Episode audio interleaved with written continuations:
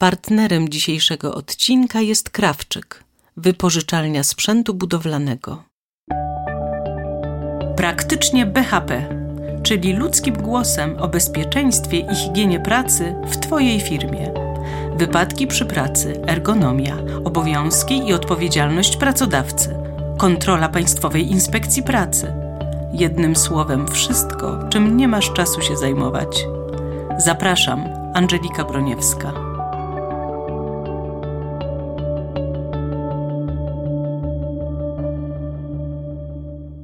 Dzień dobry Państwu. Naszym gościem ponownie jest dzisiaj pan Michał Król, główny specjalista do spraw BHP. Bardzo dziękuję, że znalazł pan czas dla nas dzisiaj. Dzień dobry. Chciałam, żebyśmy dzisiaj porozmawiali o pracach na wysokości. Prace na wysokości są według rozporządzenia uznane za prace szczególnie niebezpieczne. Z danych Państwowej Inspekcji Pracy wynika, że upadek z wysokości jest przyczyną co szóstego śmiertelnego wypadku przy pracy w całej gospodarce narodowej i aż co trzeciego wypadku śmiertelnego w budownictwie. Od ilu metrów mówimy o pracy na wysokości i jaka jest definicja tych prac? Prace na wysokości zaczynają się e, od jednego metra. Tutaj definicja brzmi, e, że praca na wysokości w rozumieniu rozporządzenia ministra pracy i polityki socjalnej z dnia 26 września 1997 roku w sprawie ogólnych przepisów bezpieczeństwa i higieny pracy jest praca wykonywana na powierzchni znajdującej się na wysokości co najmniej jednego metra nad poziomem podłogi lub ziemi i do pracy na wysokości nie zalicza się pracy na powierzchni niezależnie od wysokości, na jakiej się znajduje, jeżeli powierzchnia ta jest osłonięta ze wszystkich stron do wysokości co najmniej 1,5 metra pełnymi ścianami lub ścianami z oknami oszklonymi. Wyposażona jest w inne stałe konstrukcje lub urządzenia chroniące pracownika przed upadkiem z wysokości. Czyli to są takie dwa wyjątki, ale rozumiem, że jeżeli mamy do czynienia z balustradą, e, progiem 15-centymetrowym i belką pomiędzy tym, to to nie jest to stałe zabezpieczenie, które stanowi właśnie wyłączenie e, z prac na wysokości. Nie, to jest systemowe bądź e, przygotowane zabezpieczenie zbiorowe chroniące przed upadkiem z wysokości żeby to nie była praca na wysokości traktowane, czyli wyeliminowane to zagrożenie, to musi być pełna ściana na wysokość co najmniej półtora metra. Rozumiem. Czy praca przy głębokim wykopie może mieć charakter również pracy na wysokości? Moim zdaniem tak, choć to nie ma nigdzie odzwierciedlenia w konkretnych przepisach, natomiast jest możliwość upadku z wysokości. W tej sytuacji wpadnięcia do wykopu, który znajduje się niżej od powierzchni, na której się znajduje pracownik, więc jest y, możliwość tego upadku z wysokości. Więc uważam, że tak, że, że, że tutaj spełnia tę definicję. I tutaj właściwie pracodawca podejmuje taką decyzję, czy uznać tą pracę za pracę na wysokości, czy nie. To się uznaje jako pracę w wykopie, ale wykop również musi być zabezpieczony y, u góry barierami, żeby pracownik do niego nie wpadł, czyli nie upadł z wysokości do wykopu. Jakie obowiązki powinien wypełnić e, pracodawca zatrudniający pracowników do pracy na wysokościach? Tu jest szereg e, obowiązków dla pracodawcy bądź osoby, która organizuje te stanowiska pracy. Przede wszystkim e, pracownicy, którzy wykonują te prace, muszą mieć badania lekarskie dopuszczające do pracy na wysokości, muszą być odpowiednio przeszkoleni czyli przejść e, instruktaż stanowiskowy, szkolenie wstępne bądź szkolenie okresowe. Przy pracach szczególnie niebezpiecznych tutaj wymóg szkolenia okresowego dla pracowników wykonujących takie prace jest określony, że, że co roku muszą przechodzić takie szkolenia. Normalnie na stanowiskach robotniczych, e, zgodnie z rozporządzeniem w sprawie szkoleń BHP, jest przewidziane, że co 3 lata. Natomiast jest wyjątek, jeżeli są prace wykonywane szczególnie niebezpieczne, to tutaj jest obowiązek corocznego takiego szkolenia, instruktażu dla pracowników. I dobrze jest, żeby pracownicy również byli przeszkoleni w zakresie stosowania środków chroniących przed upadkiem z wysokości oraz mieli zagwarantowane te środki. Tutaj też jest właśnie rola pracodawcy, czyli przygotowanie instrukcji wykonywania prac szczególnie niebezpiecznych. Tutaj przy pracach na wysokości można zastosować instrukcję bezpiecznego wykonywania robót I w tej instrukcji e, muszą być zawarte, jakie będą e, systemowe rozwiązania techniczne czy organizacyjne. Mam tu na myśli balustrady bądź inne rozwiązania, które są przewidziane. Jeżeli nie można przygotować zabezpieczeń zbiorowych bądź organizacyjnych, to trzeba stosować środki ochrony indywidualnej. I tutaj pracodawca też to musi uwzględnić w instrukcji bezpiecznego wykonywania robót, jakie środki, do czego się mają przypinać, na jakim etapie pracy. Pracownicy ponadto powinni być zapoznani z oceną ryzyka zawodowego związanego z wykonywaną pracą. I w tej ocenie ryzyka też, o ile pamiętam, znajdują się informacje na temat zabezpieczeń, które muszą być stosowane, żeby obniżyć właśnie ten stopień zagrożenia, prawda? E, tak, ocena ryzyka zawodowego to jest takie bardziej ogólne rozwiązanie, gdzie jeżeli nie ma zabezpieczeń zbiorowych, z reguły jest zapis, że wtedy muszą stosować środki ochrony indywidualnej. I tutaj nie ma już aż tak jasno sprecyzowanego jakiego, gdyż, gdyż to jest bardziej ogólna informacja, Aha. co może grozić w razie wypadku z wysokości i jak się przed tym chronić. Natomiast w instrukcji bezpiecznego wykonywania robót to już się odnosi bezpośrednio do konkretnego miejsca i do konkretnie wykonywanej pracy w danym miejscu. Jak powinna zaczynać się każdego dnia praca na wysokości? Praca na wysokości, yy, przygotowanie do pracy na wysokości powinno rozpocząć się od yy, odprawy instruktażu przeprowadzonego przez osobę kierującego pracami danego dnia. Może być to kierownik robót, może być to majster bądź brygadzista, który informuje pracowników, co danego dnia mają wykonać, w jaki sposób i jakie zabezpieczenia tam będą stosowane jeżeli będzie stosował środki ochrony indywidualnej, na przykład y, uprząż z linkami asekuracyjnymi, no to musi wskazać, gdzie te linki mają zamieścić. No i przed użyciem tych środków chroniących przed upadkiem z wysokości należy sprawdzić ich y, jakość. I to przed założeniem po prostu, czy nie ma gdzieś przetarć na szelkach, na linach, gdyż to może zaważyć y, o, o bezpieczeństwie i życiu tych ludzi, którzy stosują te środki jeżeli byłyby gdzieś zniszczone, bądź niesprawne, bądź przeterminowane. Ten plan prac jeszcze powinien się pojawić, prawda? I on jest podpisywany przez wszystkich pracowników. Jak to wygląda? Instruktaż ten przedzmianowy od, dotyczący tych prac szczególnie niebezpiecznych, dobrze, żeby miał formę pisemną, czyli y, osoba prowadząca ten instruktaż Y, żeby zaznaczyła w punktach, co przekazała pracownikom danego dnia, jakie zagrożenia zostały tam ujęte oraz żeby pracownicy podpisali się y, na tym dokumencie, że zostali zapoznani i, i przyjęli do wiadomości do stosowania y, te wytyczne. Czy stosuje się też przy pracach na wysokości taki plan prac, który pracownik imiennie otrzymuje, czy tutaj nie, nie stosuje się tego? Ja się z czymś takim nie spotkałem. Dlaczego tak ważne jest wyznaczenie stref wykonywania prac niebezpiecznych? Zwłaszcza przy pracach na wysokości czy przy pracach transportowych, przy użyciu y, żurawi, jest to bardzo istotne, gdyż jeżeli coś się znajduje na wysokości, zawsze może z tej wysokości spaść na dół.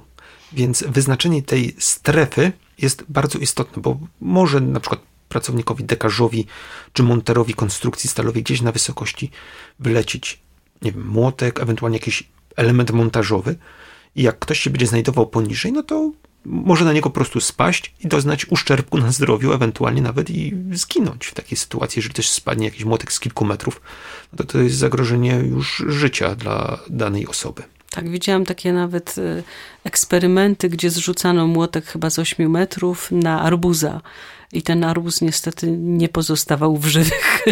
Był całkowicie zniszczony.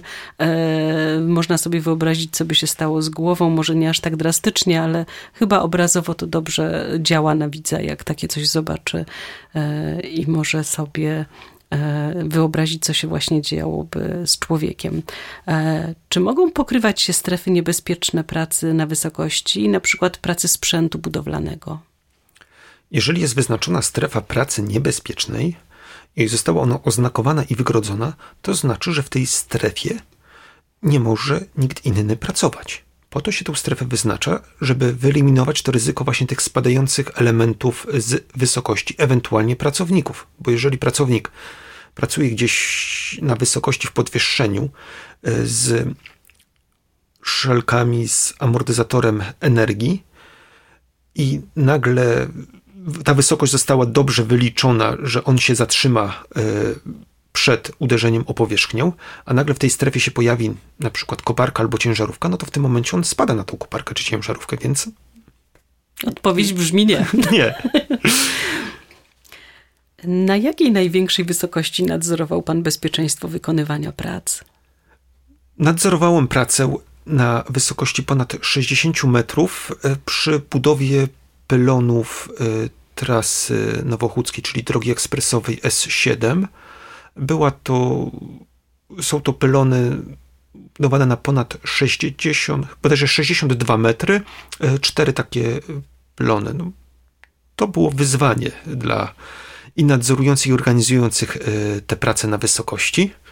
Swoją drogą bardzo ładne widoki są z góry. Nie bardzo sobie wyobrażam, jak można zabezpieczyć pracowników na takiej wysokości. Podpięciem w kilku miejscach jak? Zabezpieczenia tutaj, powiem tak, cała organizacja pracy przewidywała, e, żeby pracownicy mogli się tam poruszać w większości bez stosowania środków ochrony indywidualnej, tylko w większości przy zabezpieczeniach zbiorowych.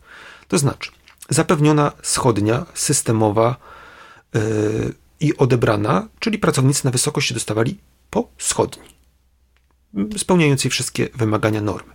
Cała konstrukcja była wznoszona przy pomocy e, szalunków, e, również systemowych, specjalnie do tego zaprojektowanych, e, samowznoszących. To znaczy, po zabetonowaniu jakiegoś elementu, na siłownikach były podnoszone do góry, a te szalunki, do tych szalunków były zamontowane podesty robocze z obarierowaniem na wysokość bodajże półtora metra.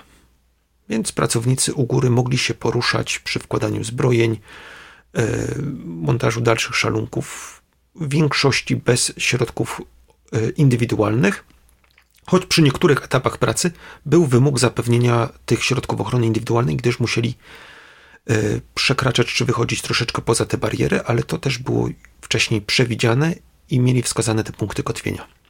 Prace na wysokości to też prace alpinistyczne. Czy mógłby nam Pan o nich opowiedzieć?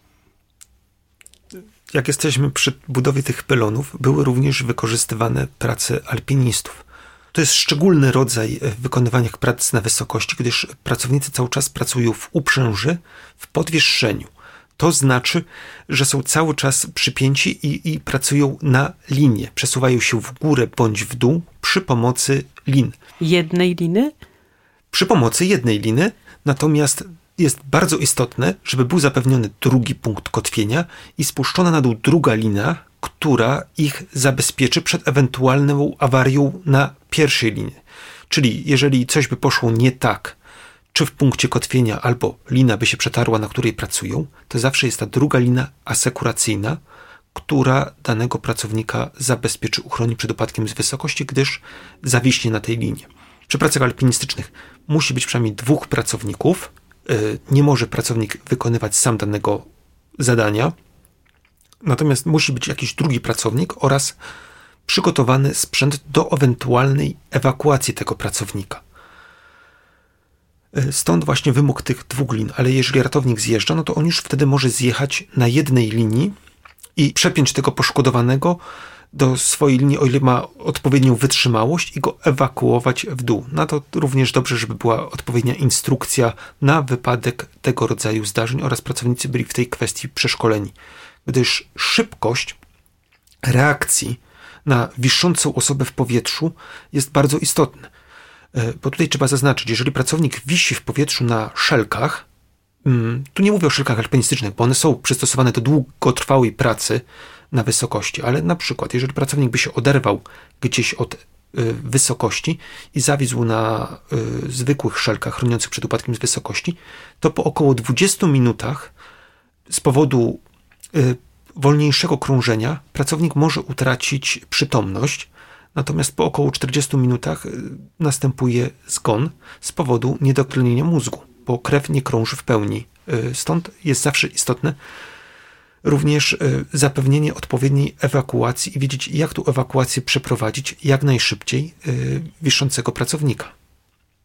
I to wtedy przeprowadza właśnie taki pracownik mający uprawnienia do prac alpinistycznych.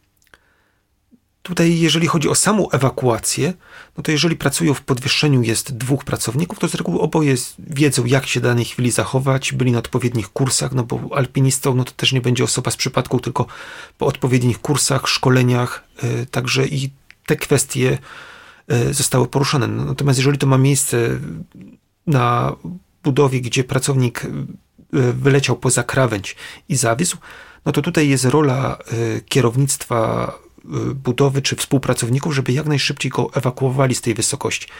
I tutaj są różne formy przyjęte. Można podjechać z wyżką i go do tej zwyżki e, włożyć jak najszybciej. Można go próbować wciągnąć na górę, jeżeli nie ma możliwości go opuszczenia w dół, bo tutaj też jest taka ciekawa historia. Zawsze bezpiecznie jest danego pracownika, jeżeli zawisł, e, ewakuować w dół, nie w górę.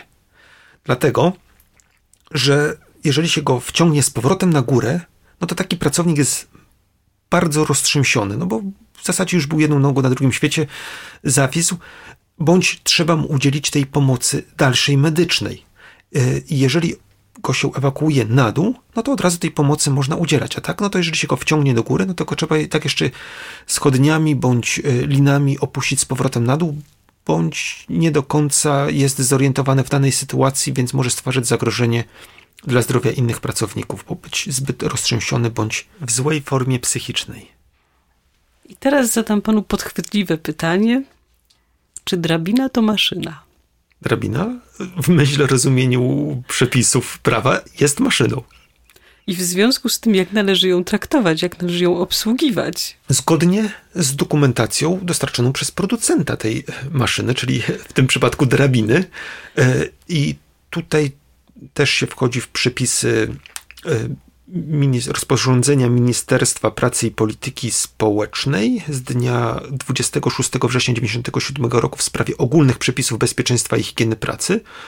I tam jest określone, że najpierw taka drabina musi uzyskać e, dopuszczenie, czyli certyfikat, czyli oznakowanie to CE.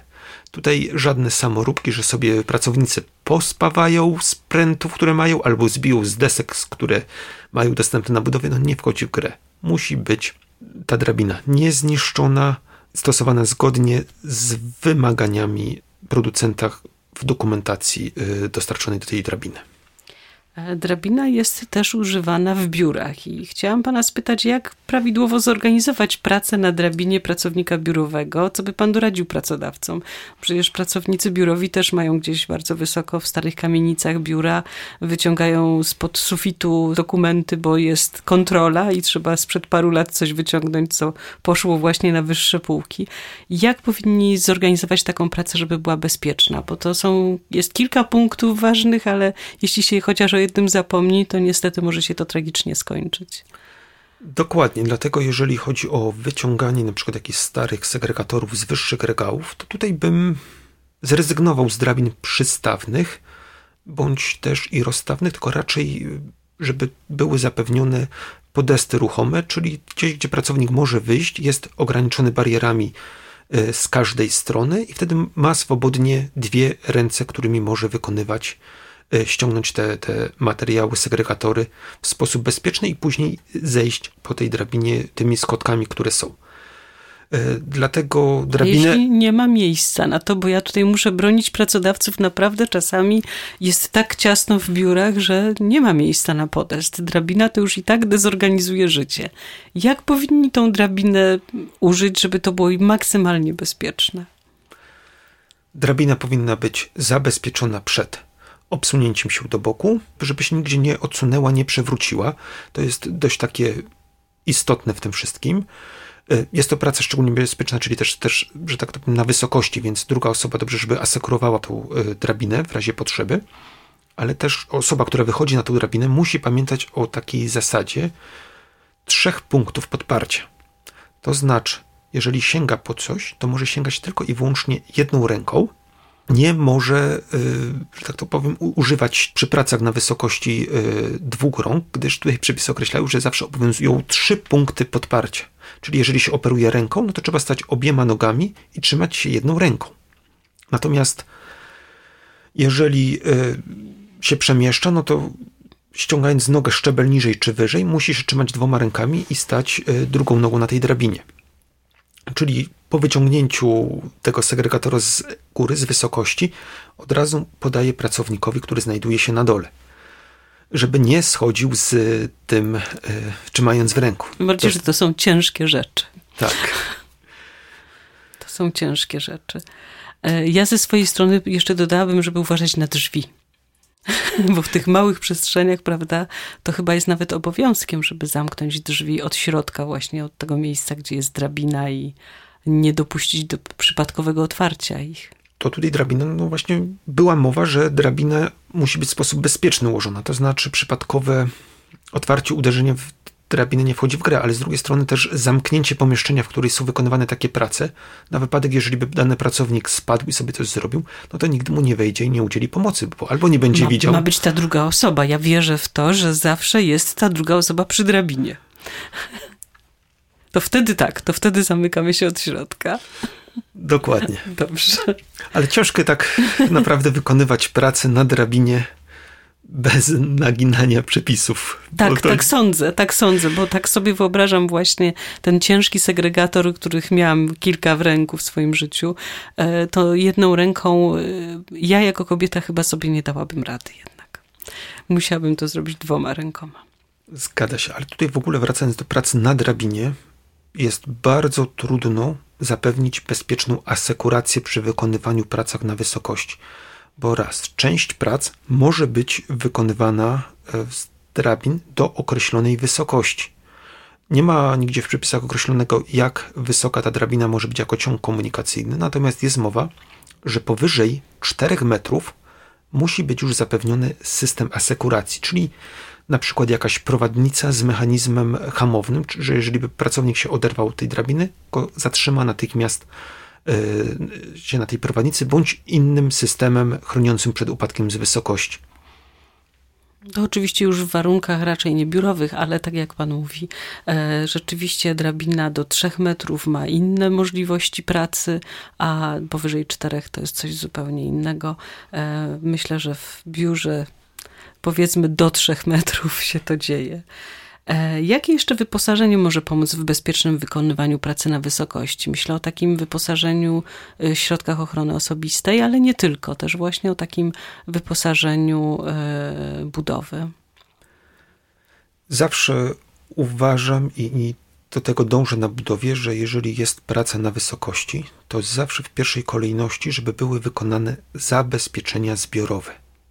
Jeżeli są zabezpieczenia zbiorowe, czyli jakieś balustrady spełniające określone normy, zrobione w sposób trwały, bo też dość często się zdarza, że cieśle zbijają po swojemu, jak człowiek by podszedł, pchnął to mocniej, no to to poleci na dół. E, a to jest mega niebezpieczne, no bo niby ma chronić, a robi tylko takie złudzenie tej ochrony zabezpieczenia i, człowiek się podeprze przypadkiem albo się oprze, bo i takie sytuacje się zdarzają i w tym momencie zlatuje z wysokości. Też słyszałem właśnie o takim wypadku gdzieś we Wrocławiu, że młody pracownik po prostu chciał sobie zapalić, oparł się o balustradę, no i ta balustrada poleciała, on wraz z nią, no niestety, ale zginął. E, czyli jednak certyfikowany sprzęt e, po prostu jest, daje rzeczywiście gwarancję bezpieczeństwa, a to co robimy rzemieślniczo, no niestety nie. Zdecydowanie, jeżeli to są zabezpieczenia systemowe, i są zrobione zgodnie z y, tym, jak to przewiduje producent danego urządzenia, no to to spełnia y, określone normy, y, które narzuca polskie prawo. Jak najbardziej też i dopuszczam, bo czasami nie ma możliwości zamontowania systemowego, żeby to zostało zrobione w sposób rzemieślniczy, ale to zawsze tłumaczę pracownikom, jeżeli to już wykonujecie, to już to zróbcie tak, żebyście się nie bali o to oprzeć, ewentualnie że was to zatrzyma i uchroni, bo to jest dla was, nie dla mnie. Kolejna rzecz, jeżeli chodzi o zabezpieczenie tych prac na wysokości to jest właśnie stosowanie certyfikowanych systemowych rozwiązań, na przykład rusztowania. Zawsze, żeby, żeby rusztowania były zmontowane zgodnie z zaleceniami producenta bądź indywidualnym projektem. Bo nieraz nie da się zrobić tak, jak to przewiduje dokumentacja techniczno-ruchowa, w skrócie DTR, danego urządzenia, bo rusztowanie tak samo jest traktowane jako urządzenie maszyna. Więc wtedy jest wymagany indywidualny projekt i ten projektant musi uwzględnić te wszystkie siły, które działają. No i następnie to rusztowanie musi być odebrane przez kierownika robót bądź kierownika budowy. Kto może w ogóle montować, przygotowywać do pracy rusztowanie i ruchome podesty robocze? Osoba z odpowiednimi kwalifikacjami. Tutaj jest wymagane uprawnienia montażysty rusztowania. Obecnie wydawane przez sieć badawczą Łukasiewicz, Instytut Mechanizacji Budownictwa i Górnictwa Skalnego. Kiedy nie wolno montować, eksploatować i demontować rusztowań i ruchomych podestów roboczych? Tutaj określę rozporządzenie ministra infrastruktury z dnia 6 lutego 2003 roku w sprawie bezpiecznego i higienicznego pracy podczas wykonywania robót budowlanych. I tam są punkty zawarte, kiedy nie można. Czyli w przypadku gęstej mgły ograniczającej mocno widoczność, wiatrów y, przekraczających 10 metrów na sekundę, czyli w przeliczeniu to jest około 36 km na godzinę. Wtedy w ogóle nie wolno wykonywać prac na wysokości, w tym też i na rusztowaniach, czy eksploatować rusztowań, oraz w czasie y, obfitych opadów atmosferycznych bądź władowań atmosferycznych, czyli w czasie burzy. Czyli w takim wypadku nawet nie można właśnie na dźwigach takich wysokich, budowlanych przebywać, prawda? Pracownik nawet nie powinien być w kabinie takiego, e, takiego e, dźwigu zwłaszcza w czasie wyładowań atmosferycznych, to bym nie polecał, ale też i takich gwałtownych y, porywów wiatru. No, ostatnio był w Krakowie wypadek śmiertelny właśnie z użyciem żurawia wieżowego, gdzie się żuraw przewrócił. No, zginął nie akurat operator żurawia, który opuścił wcześniej kabinę, tylko, tylko inni pracownicy znajdujący się na wysokości. Kiedy i jakie środki ochrony indywidualnej trzeba stosować przy tych pracach na wysokości? Nie wiem, czy mamy odpowiednio dużą ilość czasu, żeby o wszystkich opowiedzieć sytuacjach mamy, potrzebnych. Mamy, poproszę. No właśnie, jeżeli chodzi o środki ochrony indywidualnej chroniących przed upadkiem z wysokości, no to tutaj sama nazwa, jak wskazuje, środki ochrony indywidualnej. I tutaj indywidualnie muszą być e, dobrane, dograne w zależności od sytuacji, w jakiej się znajduje dany pracownik. I najkrócej, to te środki składają się z trzech elementów: szelek bądź uprzęży, linki łącząco-amortyzującej oraz punktu kotwienia. I o żadnym z tych punktów nie można zapomnieć. Jeżeli chodzi o szelki, muszą być dobrane do danego pracownika, do wzrostu, do wagi tego pracownika, jak i również dopasowane poprzez wyregulowanie do jego y, ciała jeżeli będą za luźne, no to pracownik może albo wylecieć z tych szelek, albo jeżeli będą na przykład za luźno dociągnięte w kroczu, no to dany pracownik, tutaj mam na myśli mężczyzn, no szelki spotkają się po środku, czyli, czyli może doznać kastracji, więc są mega niebezpieczne i tutaj jest bardzo ważne, żeby były odpowiednio dociągnięte. Następnie trzeba wziąć pod uwagę linkę łącząco amortyzującą. Czyli tu, jeżeli mówimy o odpadnięciu pracowniku i wylecenia poza krawędź y, danego obiektu, no to żeby został pochwycony odpowiednio szybko, w zasadzie im szybciej, tym lepiej, y, zanim się spotka z jakimś obiektem, który jest poniżej. Czy to będzie ziemia, czy jakiś balkon poniżej, czy inny element konstrukcyjny, który się tam znajduje. Więc tu jest bardzo istotne, żeby został zatrzymany i zamortyzowany ten upadek. Kolejna rzecz to jest bezpieczny punkt kotwienia. I tutaj norma wskazuje, że on musi spełniać wymogi 2 kN, czyli mniej więcej tony 200, tyle się dziś przyjmuje na y, taki punkt kotwienia. I to jest wskazane, że to ma być stały element konstrukcyjny albo jakiś element spełniający właśnie tą normę. Kolejna rzecz y, to jest inny sposób ograniczenia właśnie upadku przed, z wysokością. Tutaj właśnie była mowa o pochwyceniu, czyli pracownik wylatuje poza tą krawędź. Lepszym sposobem, jeżeli na przykład pracuje się na dachu bądź jakiejś szerokiej przestrzeni, to jest y, środek ochrony ograniczający dostęp do krawędzi. Czyli tutaj pracownik ma, jest zapięty przy pomocy właśnie uprzęży, czyli szelek, do linki łączącej, która jest gdzieś zakotwiona i po dojściu do krawędzi nie ma możliwości wypadnięcia poza tą krawędź, bo go lina ogranicza. To jest bardzo dobry sposób, bo tutaj już nie trzeba się martwić o pochwycenie, o coś, że uderzy, ewentualnie jak później tego pracownika ewakuować, jak wisi, bo nie przeleci poza krawędź, bo go ogranicza. Czyli rozumiem, że ta lina ogranicza do, do krawędzi właśnie dachu. Jest takie ograniczenie y, długości tej liny, tak? Tak. Odpowiednio przygotowane, zakotwione, że pracownik poza tą krawędź nie jest w, nie jest w stanie przekroczyć tej krawędzi. Y, I trzeci y, sposób, właśnie, ale to, to już jest bardzo specjalistyczna praca, bo tu już chodzi o zabezpieczenie przy pracy w uprzęży linowej, czyli praca, nie wiem, w podparciu, praca alpinistyczna, czyli pracownik już pracuje w uprzęży i, i wisi nad jakąś powierzchnią. No i tutaj właśnie przy tego rodzaju pracach jest wymóg, że i tak musi mieć dodatkową linkę asekuracyjną, która na wypadek jakiejś awarii e, w jego linię go zatrzyma i pochwyci przed upadkiem z wysokości. A czy pracownicy lubią stosować te środki ochrony osobistej? Jak to wygląda w praktyce? Na 62 metrze nad ziemią. Obojętnie ile to będzie, nie lubią. Ale też jest tak przyjęte wśród tych pracowników, że im niżej, tym trudniej wymóc stosowanie tych środków. I jeszcze kolejna rzecz, im niżej, tym te środki są gorzej dobrane.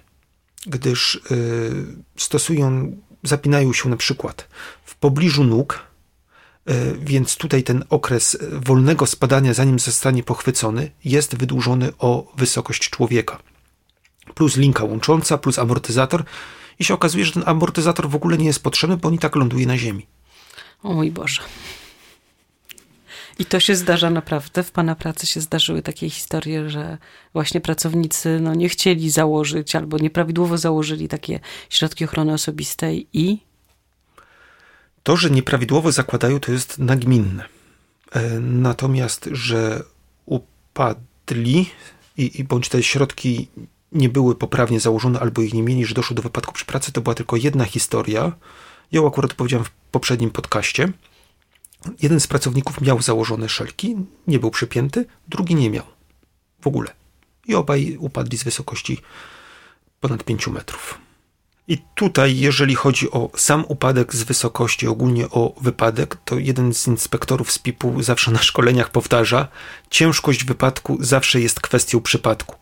I znam przypadki, że ludzie spadali z, wysok- z dużych wysokości, nie wiem, 5-6 metrów i wychodzili bez większych obrażeń, wracali do pracy. A znam też i przypadki, że upadek z wysokości jednego metra albo nawet mniejszej kończył się śmiertelnie. Także tutaj zawsze jest szereg okoliczności, wpływa na ciężkość danego wypadku i, i nie ma powiedziane, że jak się pracuje nisko, no to jest bezpiecznie. Zawsze przy pracy na wysokości musi być zapewnione bezpieczne otoczenie, czyli jeżeli pracownik upadnie, to żeby on nic nie uderzył, bo też taki jeden wypadek znam, że pracownik spadł z drabiny z wysokości no, w sumie nie dłużej 3 metrów, ale uderzył nieszczęśliwie o kosz znajdujący się w pobliżu, no, no i uderzył tam głową, więc zginął. A inne przypadki, że pracownik leciał z wysokości 6 metrów, spadł szczęśliwie na piasek i wychodził praktycznie bez szwanku. Tydzień później wrócił do pracy. Proszę Państwa, mierzmy wysoko w naszej pracy, ale pnąc się w górę, pamiętajmy o bezpieczeństwie. Dziękuję za rozmowę. Naszym gościem był dzisiaj główny specjalista do spraw BHP, pan Michał Król. Dziękuję bardzo. Do widzenia. Do usłyszenia. Partnerem dzisiejszego odcinka jest Krawczyk, wypożyczalnia sprzętu budowlanego. Ty też możesz zostać partnerem podcastu. Może jest temat, który Cię interesuje. Borykasz się z problemami w zakresie BHP i nie możesz znaleźć nigdzie odpowiedzi, jak sobie z nimi poradzić? Spróbujemy Ci pomóc. Napisz do nas na adres biuro Jeśli podoba Ci się to, co robimy, wesprzyj nasze działania. Jesteśmy na patronite.pl ukośnik fundacja i pomocni.pl. Każda wpłata jest jak głos za. Potrzebujemy tego jak wody i powietrza. To dodaje nam sił. Pozdrawiam i do usłyszenia. Podcasty stanowią część kampanii Bezpieczeństwo czy szaleństwo